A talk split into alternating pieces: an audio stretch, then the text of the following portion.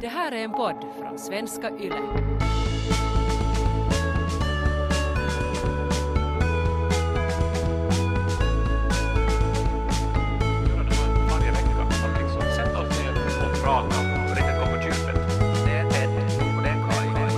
Välkomna!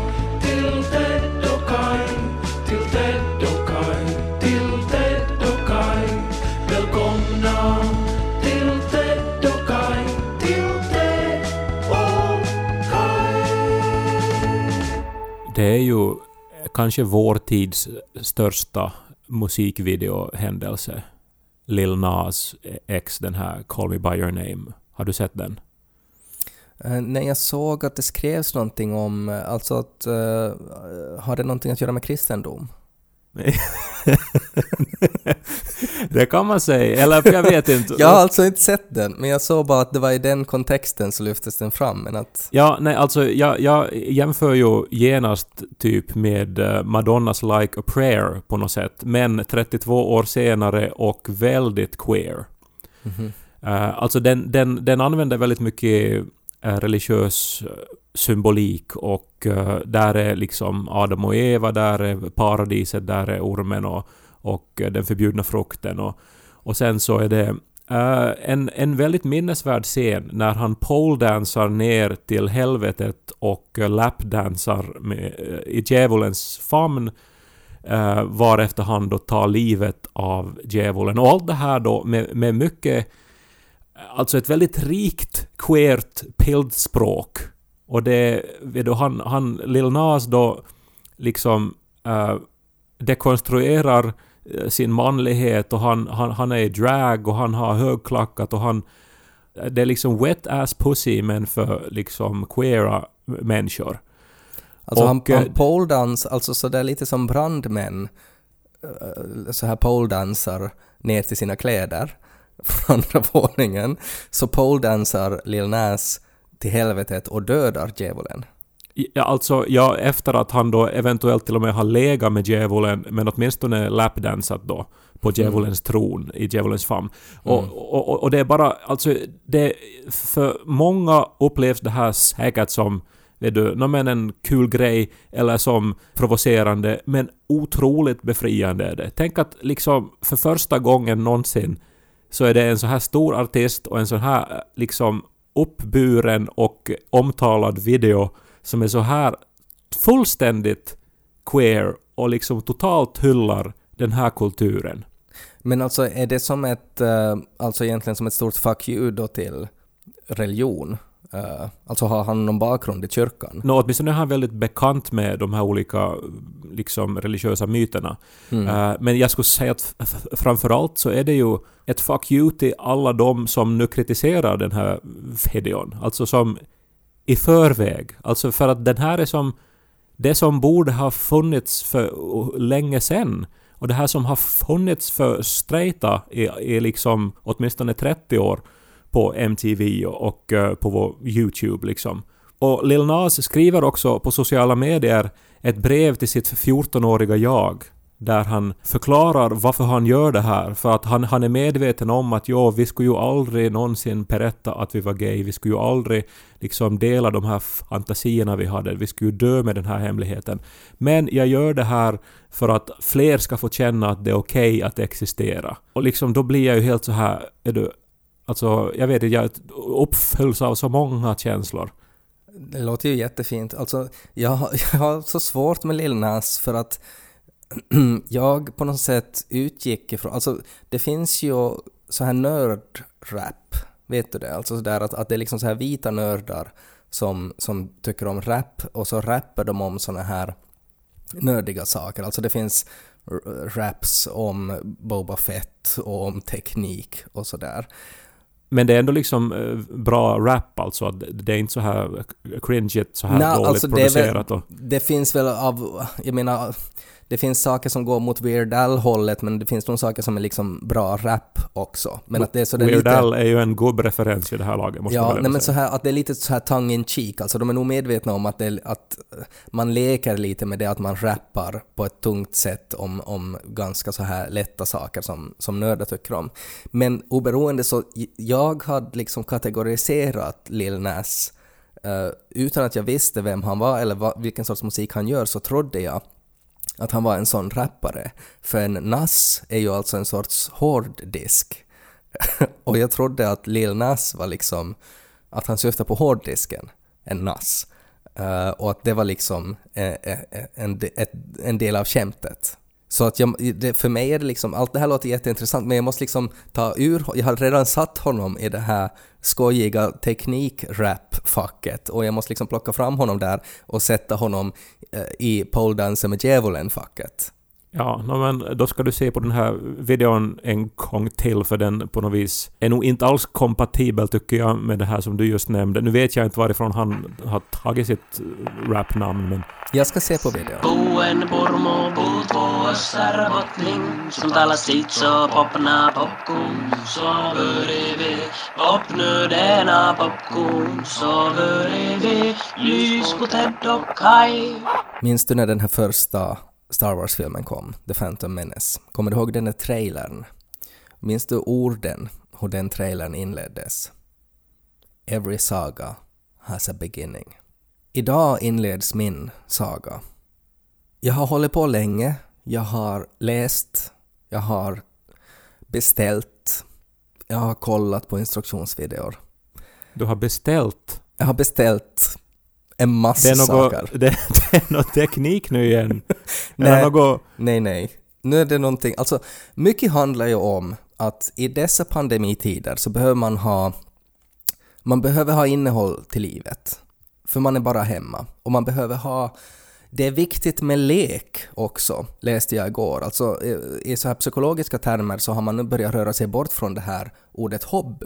Och man har börjat istället prata om lek. Att också för vuxna är det viktigt eh, att ha utrymme för lek i sina liv. Alltså där man sysslar med någonting som man bara får av. Alltså som, som, som inte tar av en, utan att man bara får. Att, att det, det, är liksom, det kan vara en hobby, men en hobby kan också vara, alltså kräva saker av en. Men att lek ska vara någonting som är bara en, en njutning uh, för den vuxna. Och jag har inlett nu en, uh, en, en, en resa som jag har liksom funderat väldigt länge på. Uh, och det är någonting som har varit en, en stor del av mitt liv och att jag har alltid så här i något skede när det har på något sätt så här när jag har stött på det här fenomenet så har jag blivit sådär att hmm, ja, kanske någon dag. Men eh, nu har vi ju nyligen då, apropå eh, att eh, i, pan, i, i dessa pandemitider fylla sitt liv med lek, Mm. så har vi ju fått höra om hur du eh, har gått in i det här virtual reality-träsket Mm. och eh, försöker lappa någon sorts hål från barndomen eh, på det viset. Och, eh, och, och, och, och sen är du ju känd för att köpa skrummande elektronik som du använder i, i en vecka Mm. och sen så ligger det eh, i något hörn. Mm. Uh, s- sen hade vi ju det här eh, obegripliga airfryer-diskussionen, alltså eh, som jag ju måste säga att jag då kanske lite hade underskattat då. Att eh, den har ändå eh, resonerat eh, hos människor. Jag, jag tänker nu på Ted och Kajs omklädningsrum. Jag tog airfryern till Svenskfinland.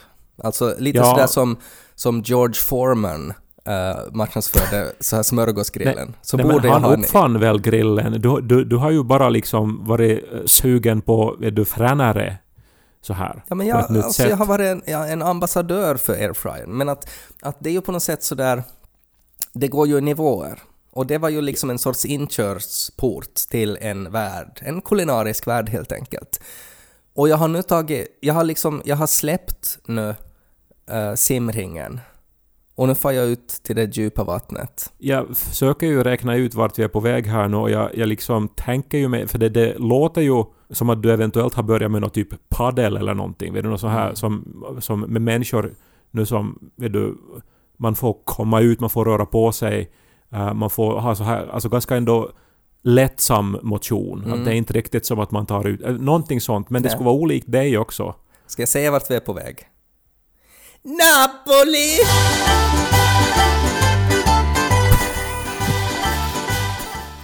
Vi är på väg Na- till Napoli. Jag har inlett, alltså jag har börjat pizzaresan. Pizzaresan 2021. Välkommen! Men du har ju... Den har ju pågått i 37 och ett halvt år i Ted Forsströms liv. Ja, men jag Den har, resan. ja, men jag har, jag har alltid varit... Det har varit en sån här chartrad bussresa i mitt liv tidigare. Alltså det har bestått Måste av... den här musiken vara på fortfarande? Den får vara på en liten stund. Eh, det har varit en sån här, en, en chartrad bussresa där man sitter längst bak och äter fryspizza, men nu har jag tagit ut det här klivet. Alltså till, till där, där de stora pojkarna finns. Uh, pizzaugnen har kommit. Ett ingenjörsunder, skulle jag säga. Det är en skotsk firma, men det är en finsk ingenjör som hittar på det här. Alltså en, en, en snärtig, sexig, aerodynamisk gasugn, alltså som kan göra pizzor eh, av eh, napolitansk kvalitet. Alltså har du den här liksom i köket då? Den står på bänken eller hur får, alltså, Nej, den, jag har den i bastun för tillfället. Eh, för, att, eh, för det har varit så dåligt väder på terrassen. Men nu till påsk så, har, så, så är, kommer, kommer liksom jungfrupizzan, en margarita, eh, kommer att göras. Eh, och idag så inleder jag resan genom att idag så kommer jag att göra degen, alltså med såna här Pico 00 mjöl, alltså för det går ju inte med vanligt mjöl, utan det har jag också beställt. Jag har till och med beställt jäst från Italien. Eh, för att kunna göra riktigt bra pizza som nu då ska, eh, idag så ska degen göras och sen så ska den stå då tre dygn. Tills jag då kan göra Tre dygn. tre dygn, alltså så att, att de här eh, gaserna utlöses i degen så att det blir sådär bubbligt och knapert som napolitansk pizza ska vara.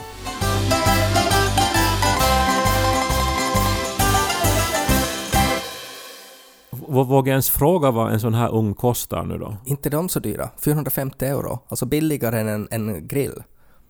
Det här Men är, hur mycket. Alltså jag tänker nu bara, du bor nu i den stad i eh, Finland som de senaste åren har genomgått en napolitansk revolution. Det finns ju alltså kanske tio napolitanska pizzarestauranger i Helsingfors som gör helt fantastisk pizza. Alltså så här med världsklass. Alltså till exempel nu så finns ju en av Europas bästa pizzerior på Drumsö och du kan eh, beställa hem med en sån här kurir den här goda, fantastiska pizzan eh, på liksom nolltid. Kai, det finns ju jättemånga bra böcker i hela världen. Varför vill du skriva dem själv? Nej, jag förstår det här, men jag försöker bara ändå tänka liksom 450 euro, hur mycket pizza du får för den pengen. Vet du vad? Alltså såna där artisanpizzor, de är ganska dyra. Alltså att en pizza blir lätt 18 euro. Sen om du ska ha hem den också, så det kanske blir en 23,90 eller någonting Eh, för en pizza. Du behöver inte göra många pizzor innan du har avbetalat en 450 euros pizzaugn. Och sen är det ju förstås hela processen och hela den här känslan av att man gör det själv. Och att nu har jag äntligen en inriktning i livet att jag ska kunna göra riktigt, riktigt god pizza och sen har jag den kunskapen och den erfarenheten i resten av mitt liv. Sen när Lo är 40 så kan han säga ”Pappa, hur skulle det vara med lite pizza?” och så swishar jag dit med rullatorn och gör en fantastisk pizza. Som jag lärde mig eh, som, som relativt ung. Och det är ju som, jag menar det här är ju bara början, alltså nu börjar jag då med en väldigt simpel deg, men att sen tanken är ju då att jag ska avancera till surdeg, till bigadeg, till polishdeg, alltså det finns ju en massa termer. Jag ökar hydration, alltså kanske till och med till 70% vätskebalans. Jag, jag vet inte, jag, jag vågar kanske inte riktigt i början börja med det. Jag tror kanske 65 är någonting som jag siktar mot nu. Men nu har ju jag levt ändå i, i den tron att det som gör en bra pizza, ja, det är många komponenter. Men jag skulle säga att den allra viktigaste är tomatsåsen. Ska du göra den själv också? Den måste man ju koka i många dagar också. Nej, och då tomatsåsen måste du ha bra tomater. Och det, det är svårt att få i Finland Ja. den här tiden på året. Det är jättevanligt att man tänker att tomatsåsen är jätteviktig. Så är det inte. Du har bara alltså vanliga pomodoro-tomater, du bara krossar dem. Det är inte liksom så viktigt. En pizza, det är väldigt simpelt. Det är mjöl, det är jäst, det är vatten och det Men det är också ost och, det, och, och vi har också svårt att få jättebra ost i Finland. Osten är ett problem och därför så tänker jag börja göra egen mozzarella. Det är inte heller svårt. Ska du börja ysta ost och göra? Man behöver inte ysta mozzarella, Kai. Det är väldigt lätt att göra egen mozzarella, det är inte alls svårt. Men det, det är någonting faktiskt alltså som jag har varit lite orolig över, för att den här mozzarella man får här i Finland är väldigt vattnig. Eh, jag har tänkt att jag ska på något sätt försöka få den att rinna av några dagar innan, eh, så att den inte liksom, så att inte vätskan sprider sig till pizzan. Eh, men där tänker jag att om jag gör egen mozzarella så kan jag kanske justera det på egen hand. Jag vill bara välkomna alla som, som har på något sätt varit, och jag vet ju att ni är många som lyssnar nu, som har varit intresserade på pizza och ska jag faktiskt ta det här klivet, att ska jag faktiskt börja med det här, att jag, jag sträcker ut en hand och säger bröder och systrar, följ med mig till Napoli så gör vi det här tillsammans. Alltså att om du har stått i valet och kvalet, att ska jag faktiskt Ska jag ta det här klivet? Jag, jag är ju rädd för deg. Men det är degen som ska vara rädd för dig. För att det, här, det, är bara, det är bara att börja på. Och jag uppmanar alla som har stått och funderat att nu, nu tar vi det här klivet tillsammans. Och så inleder vi den här processen.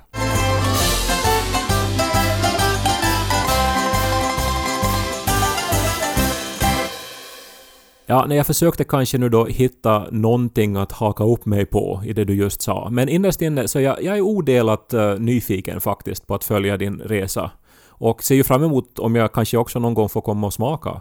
För pizza är ju alltid gott. Du är hemskt välkommen till min terrass där det kommer att serveras 24-7 napolitansk pizza. Är det så här att eh, det, det kommer att vara olidligt hett hemma hos er för att den här ugnen ständigt är på och sprider liksom 500 grader mitt i sommaren ut i alla vrår? För att använda en Star Wars-term så kommer min terrass att vara som Mustafar eh, i sommar tror jag.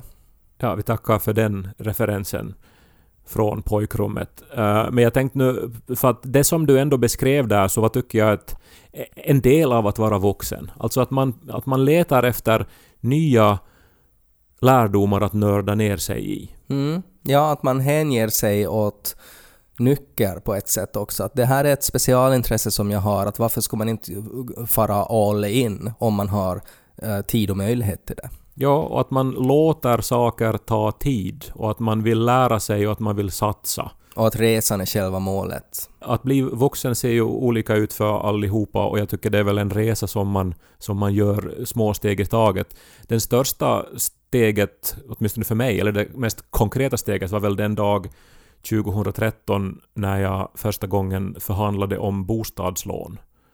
Och jag gick ju till min bank och eh, hade förberett mig nog. Men jag var inte förberedd kanske på att bli förhörd som jag ändå blev.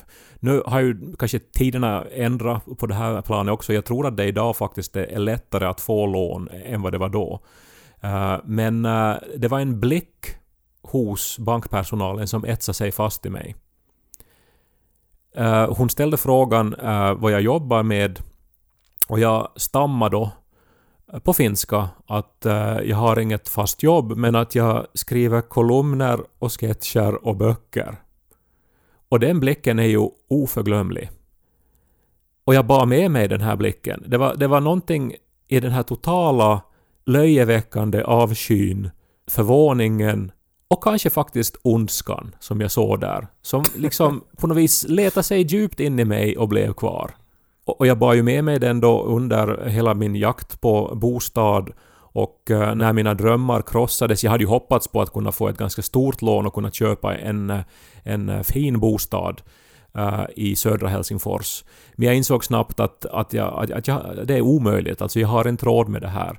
Och sen å andra sidan uh, det här letandet, Eh, det är ju tusentals människor som slåss om de här bostäderna. Och så fort det dyker upp någonting intressant så är det ju eh, långa, långa köer. Och eh, sen så är det ju alltid någon som har mera pengar, alltid någon som är snabbare och så vidare. Och till sist så blir man ju desperat. Till sist så börjar man tänka att jag skulle, jag skulle vara beredd att göra vad som helst nu för att få den här lägenheten. Jag skulle, jag, jag skulle kunna fast sälja mig själv. Och det var väl den andra tanken. Och sen så drack vi väl vin, jag och några vänner.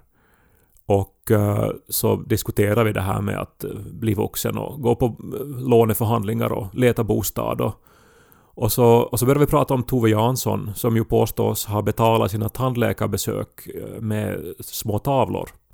Tandläkaren plomberade hennes rökartänder och så gav hon tandläkaren en, en oljemålning. Nu var ju hon förstås redan på sin tid var hon ju etablerad men att eh, knappast tror jag nu ändå att alla skulle ha godkänt en sån här betalning. Idag är det ju liksom helt uppenbart då att tandläkaren gjorde ett bra beslut som godkände den här betalningen för idag är ju Tove Janssons oljemålningar väldigt värdefulla. Men så började jag tänka då att ja, men jag skriver ju böcker ja. Uh, att uh, tänk om man skulle kunna på något sätt uh, göra en Tove Jansson här och liksom byta mitt konstnärliga arbete mot en bostad.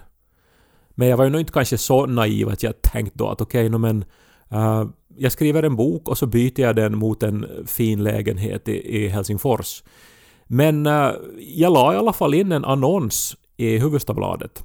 Som jag faktiskt minns typ ordagrant. Uh, det var så här Publicerad författare söker bostad cirka 30 kvadratmeter i södra Helsingfors.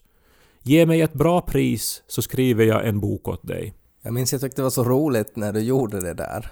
Uh, och, och att det väckte också en sån här känsla av att hur otroligt avundsjuk jag skulle bli om, om det faktiskt skulle, skulle nappa någon på det där. Alltså att om du skulle få en, en jättefin lägenhet jättebilligt uh, för, att, för att det finns någon excentrisk åldring uh, som bara väntar på att dö och har ingen användning för pengarna och skulle kunna i princip ge dem åt en ung författare.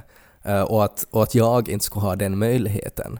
Idag, eller kanske om, om någon månad, så tänker jag ju att jag kan ju skriva samma annons och, och avsluta med att ge mig ett bra pris så får du mitt pizzadeg-recept. Ge mig ett bra pris så bakar jag en pizza åt dig. Och, ja. Ja, nej men man, man tar ju vad man haver och så här. Nå, Mm. Alltså, eh, det var ju en, en eh, ovanlig annons nog, för de ringde faktiskt från, eh, både från Yle och från Hufvudstadsbladet och ville intervjua mig om själva annonsen och ville veta om jag hade fått svar och så vidare. Och den stack ju nog ut då, som den också säkert skulle göra idag. Och jag minns ju att jag tänkte så här, men det måste ju finnas finlandssvenskar där ute som har vet du, en massa lägenheter. Och sen har de så här att ja men det skulle nog ändå vara kiva om, om, om den här historien om, om min farfar som seglade till eh, Madeira skulle finnas inom hårda pärmar. Nu är det väl värt en av fyra rummarna på Skatudden det där nog. Ja men jag tänkte så här att... att, att Betsy, det, det, hur många femmor var det vi hade?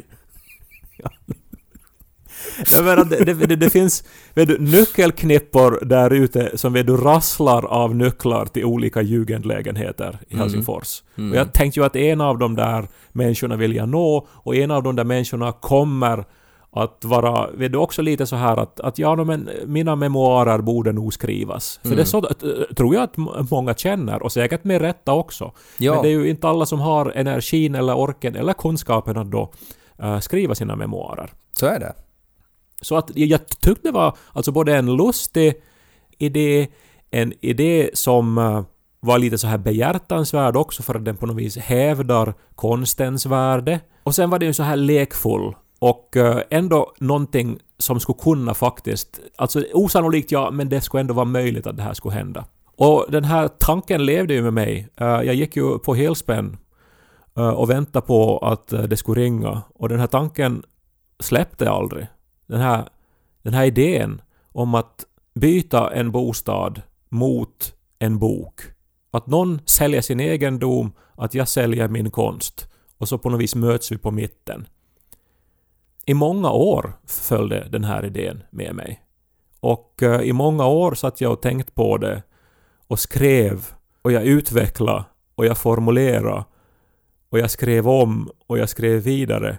Och eh, förra veckan så till min glädje kunde jag nu då presentera omslaget och beskrivningen av min fjärde roman, Röda rummet, som kommer ut i höst och som inleds precis så här.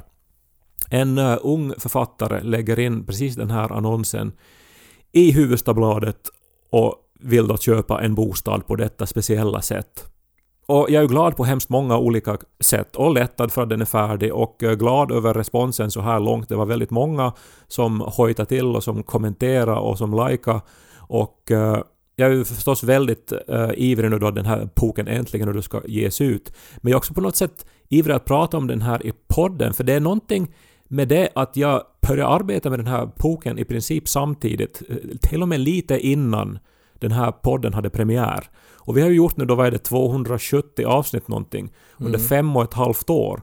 Och den här boken som jag har skrivit har varit med mig under precis hela den här tiden. Och jag har ju haft avbrott i skrivandet av den här boken då. Först på måndagar för att vi spelade in podd som kom ut på tisdag. Sen ändrades den här poddens utgivningsdag till onsdag så då började jag ha ledigt på tisdagar för att göra podd. Men annars har jag i princip varje dag suttit och skrivit på den här boken. Och det är ju det jag har på något vis levt med men inte kunnat prata om i den här podden. För att jag har velat hålla de här världarna separata och jag har ju inte velat förstås använda de ämnen jag skriver om i den här eh, podden. Men så jag är bara på något vis jättelättad och glad nu att kunna meddela så här att yes, arbetet är färdigt. Uh, I höst så har man möjlighet att läsa vad jag har sysslat med vid sidan om den här podden så länge den har funnits. Och om det är så här att every saga has a beginning så är det den där blicken. Vill du en sån här stram hanken kvinna med håret i knut vars ögon på något vis först smalnar och sen liksom fylls med vantro, obehag, som att hon ser vid du någon som har springmask. Så vänder hon sig sakta mot sin dator, håller på i en evighet och klickar med musen och så lägger en printer igång och så svalt så visar hon ett belopp från en helt annan värld än det som jag vet att jag behöver för att kunna köpa en bostad. Och säger att det här är det vi kan erbjuda. Till den här jävla sketchmakaren, kolumnisten och författaren.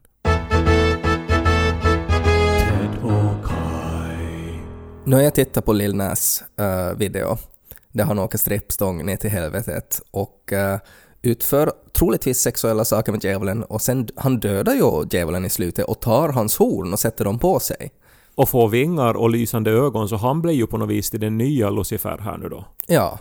Ja, det är mycket symbolik här. Jag har inte Ja. analyserat helt till slut. Nej, nej men jag gillar den alltså. Den var ju, den var ju väldigt fantasy-inspirerat. Man ö, översköljs ju också av alla de här queera sakerna och liksom på något vis bara så här att tänk att en liksom så här stor artist gör en sån här video och så blir han liksom hyllad. Att yes, den tiden vill jag leva i. Jag vet inte det här med att ha sex med djävulen, det är, alltså det är ju en sorts kanske, det är väl kanske kristdemokraternas syn på vad liksom bögarna vill. Ja, nej, men, ja. Och här på något vis så ownar ju då Lil Nas då den här st- stereotypen då. Det finns ju nog alltså i den här straighta världen finns det ju nog också fantasier om att ha sex med demoner och, och, och djävlar och sånt där. Alltså det finns ju en term Men som... apropå påsken, att bränna häxor, var det inte liksom... Ja fast då igen är det ju då heteromän som anklagar kvinnor då för att ligga med djävulen och så ska vi liksom bränna den på bål. Ja, och då handlar det om kvinnlig sexualitet. Men att det finns ju också alltså det här konceptet med succubus och incubus som är ju alltså då... En succubus är ju alltså då en, en otroligt sexig kvinnlig demon eh, som besökte oftast munkar då i klostret och hade sex med dem som var så skönt så att de i princip dog. Det låter ju också Sokobus som ett eh, transportföretag som säljer billiga resor till Sjundeå. Man betalar med sin själ. Det är därför det är så billigt. Ja, Kanske. Ja men så intressant alltså. Jag, jag har hört ordet Sokobus men jag visste inte att det var då alltså någon sorts... Det är alltså ett övernaturligt väsen. Eh, det påminner ganska mycket om alltså maran i, i så här liksom nordisk folktro. Alltså det, det är liksom så här en, en, en sexig demonkvinna. Det är en succubus. Hur ska du fira påsk då? Jag ska göra Pasha har jag tänkt. Och sen så ska jag eh, läsa korrektur på den här romanen som jag pratade om tidigare. För den ska ju småningom börja layoutas så den kan tryckas. Mm. Jag ska göra pizza. Ja, det förstår jag. Om det måste jäsa liksom och uppstå på den tredje dagen, den här degen. Om det är någon där ute som undrar eh, vad, vad, vad man ska göra på påsken så kan jag väl rekommendera att man ser på Virala Genier på arenan, säsong två, som kommer första april. Ja, imorgon, premiär. eh, på, eller på torsdag alltså, skärtorsdag. Och eh, man hinner ju då alltså idag, eh, om man lyssnar nu på onsdag då när den här podden släpps, så kan man se hela säsong 1 för att repetera eller för att värma upp då inför säsong 2. Som ju tar vid där säsong 1 slutar kan vi säga. Mm. Perfekt påskunderhållning. Men kul med din bok, jag ser fram emot att läsa den. Ja, tack Ted. Du har ju varit ett stort stöd under dessa år. Jag hoppas bara att det stöd jag har varit till dig under den här bokprocessen, att du har samma stöd för mig nu under min pizzaprocess. Du kan Marga lita på mig. Ted och Kai, Ted